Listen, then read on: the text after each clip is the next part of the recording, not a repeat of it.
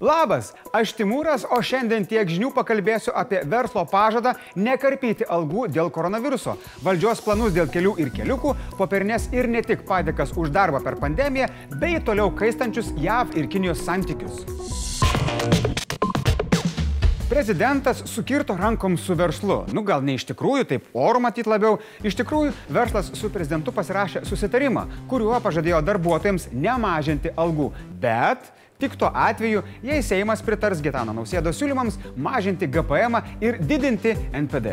Tai čia jau tokia sudėtingesnė sąlyga, nes štai GPM sumažinimas nepatinka Saulis Kverneliui ir Finansų ministerijai, kuris sako, kad darbdaviai padarys va tokią gudrybę. Sumažins atlyginimą ant popieriaus tiek, kiek sumažės GPM. -as. Tai žmogus į rankas realiai gaus tą patį, o darbdavys sutaupys šlamančių. Kaip ten bebūtų, prezidento patarėjas Simonas Krepšta sako, kad šitas memorandumas reiškia, kad krizė nepaveiks darbo sutarčių, bet tuo tiki ne visi.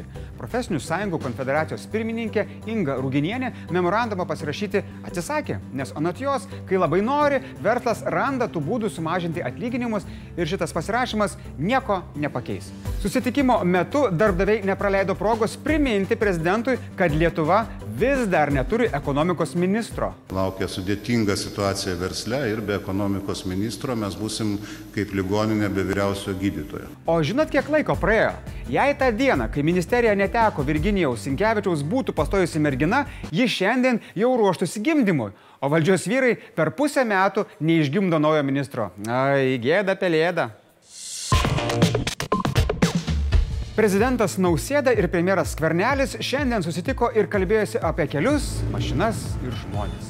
Laidos apie automobilius jie vesti neketina. Svarbiausia šalies vyrai kalbėjosi apie Skvernelio planą kelių direkciją iš biudžetinės įstaigos perdaryti į valstybės įmonę, o vėliau į akcinę bendrovę. Prezidentas akcentavo, kad tai darant svarbu yra tinkamai pasirinkti darbuotojus, o ypač ypač vadovą. Tuo metu konservatoriai teigia, kad pertvarka siekiama iš darbo išmesti dabartinį direkcijos vadovą Vitalijų Andrėjevą. Neva valdantieji nori į jo vietą įkišti savo žmogų. Jurgis Razmas sako, adavai visus darbuotojus automatu perkelkime į naujai reorganizuotą įmonę be jokių konkursų. Tai būtų aišku, kad čia nebandymas įkišti savus. Na, jis taip nesakė tiesiogiai, bet užregistravo tokį siūlymą. Kalbant apie kelius, ministerija nusprendė už 6,5 milijonų remontuoti tuos, kurie veda į lankytinas, rekreacinės ir kurortinės vietas. Čia tam, kad visi kuo daugiau keliautų, atrastų Lietuvą ir šalies turizmas net per pandemiją klestėtų. Tvarkyti kelius žadama dar šiemet. Bet tai pala, vasarą jau po savaitės. Ai, dabar supratau. Įsivaizduokit, važiuoju prie kokio nors piliakalnio, dar dižvyrų ar kokių smėlių ir tik viena eismo juosta, nes kita remontuojama - geltona, žalia, raudona tau prieš akis ant kelninkų šviesoforo. Oi, vieškelėlių, kaip liaudės dainoj. Mm -mm. Ant nacionalinio operos ir baleto teatro stogo Giedrius Surplys iškilmingai pranešė apie Lietuvoje startavusią akciją Ačiū Lietuva.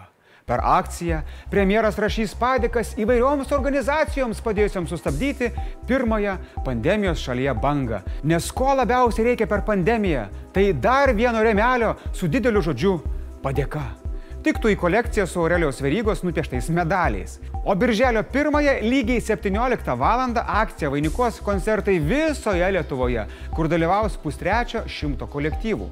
Tuo pačiu metu 36 savivaldybėse skambės aikštės, skverai, net stogai. Žodžiu, muzikantai gros bet kur, kur gali tilpti kartu su savo instrumentais. Dėl saugumo reikalavimų koncertai te truks 15 minučių.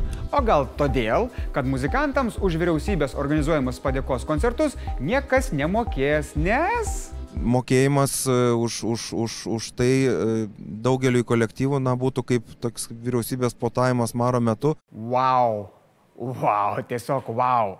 Surply, o gal mes jums galim algos nebemokėti? Tegul klaunai juokina už dyką. Mm? Nacionalinio operos ir baleto teatro direktorius Jonas Sakalauskas nuo stogo pranešė ir tai, kad dėl karantino teatras neteks apie milijono eurų. Bet darbuotojai dėl to netleidinėja, kuo labai džiaugiamės. Dainavome, dainuosime ir grosime. JAV ir Kinijos santykiai toliau aštrėja. JAV grasina įvesti sankcijas Kinijai, o pastarosios užsienio reikalų ministras jau net prakalbo apie naujojo šaltojo karo slengsti. Pasaulio gigantai pykstasi dėl mažyčio spuogo pavadinimu Hongkongas. Kinija norėtų jį su pasimėgavimu išspausti, o JAV sako, negalima, nesveika. O esmė tame, kad Kinija pavargo nuo Hongkongo statuso. Viena šalis, dvi sistemos. Jos skonį ten per daug demokratijos, ten tų protestų, žinai, nepriklausomų teismų, tos laisvos žiniasklaidos. Ne. Todėl šią savaitę Kinijos parlamentas balsuos dėl nutarimo, kuriuo bet kokia pusiau autonominio Hongkongo piliečių kritika Kinijos valdžios atžvilgių būtų laikoma nusikaltimu. Vakarų valstybių reakcija, nu, ei, prieš 20 metų mes netaip tarėmės. Tada buvo sutarta, kad Hongkongė demokratija veiks iki 2047-ųjų, bet panašu, kad Kinija nenusiteikusi tiek ilgai laukti. Gerbiama Kinijos valdžia, šios situacijos sprendimas yra praeities filosofų veikaluose. Realiai, bet kuris filmas apie kung fu pilnas gyvenimo išminties, nu, įsijungit, pažiūrėkit. Blitz naujienos. Finansų ministras pranešė, kad šešėlis Lietuvoje sumažėjo įspūdingai. Tai yra apie 10 procentų per keliarius metus. Bet kaip ir su viskuo, per daug džiaugtis nėra ko, nes koronavirusas į rinką jau gražina šešėlinės cigaretės, alkoholį ir kūrą. Vatos valstiečių naujienos. Atrodo gera žinia, bet džiaugtis baisu. MG Baltic byloje reikalaujama nušalinti prokurorą Justą Laucių. Anot koncerno MG Baltic advokato, prokuroras įžeidė teisėją. Jos sprendimu prokuroras nebuvo įleistas į tarnybinės teismo patalpas. Tad sekretoriai tas pasakė, kad tai teisėjai su galva negerai. Dar pamenat tetą neringą? Na, aišku, kur jūs pamiršit. Ta, kur buvo teisėja, tada Seimo narė, o po to taip gražiai pabėgo. Tai va, Venskienė dabar teisiama ir paaiškėjo, kad iš jos nukentėjusieji tikisi prisiteisti apie 100 tūkstančių eurų. Bet tai pala, kiek neringa to Amerikoje uždirbo? Work and travel, run and travel. Ministras Veryga žada dar kartą pratesti karantiną, o šalyje per parą nustatyta 12 naujų koronaviruso atvejų ir pusė jų yra susijęs su žydiniu santaros klinikose. Beje, savaitgalį paaiškėjo ir apie įvežtinius atvejus. Susirgo grįžę iš Olandijos, Rusijos ir Suomijos. Baltarusijos vadovas Aleksandras Lukašenka paragino šalį rimtai ruoštis antrai koronaviruso bangai, bet išreiškė viltį, kad ši bėda šalį aplenks. Bet tai palaukit, pons Aleksandrai, kokia antra banga, jei pirmos nebuvo. Kaip šiandien sakė Gedrius Surplys, dainavome ir dainuosime, o kur dainos ten ir šokiai.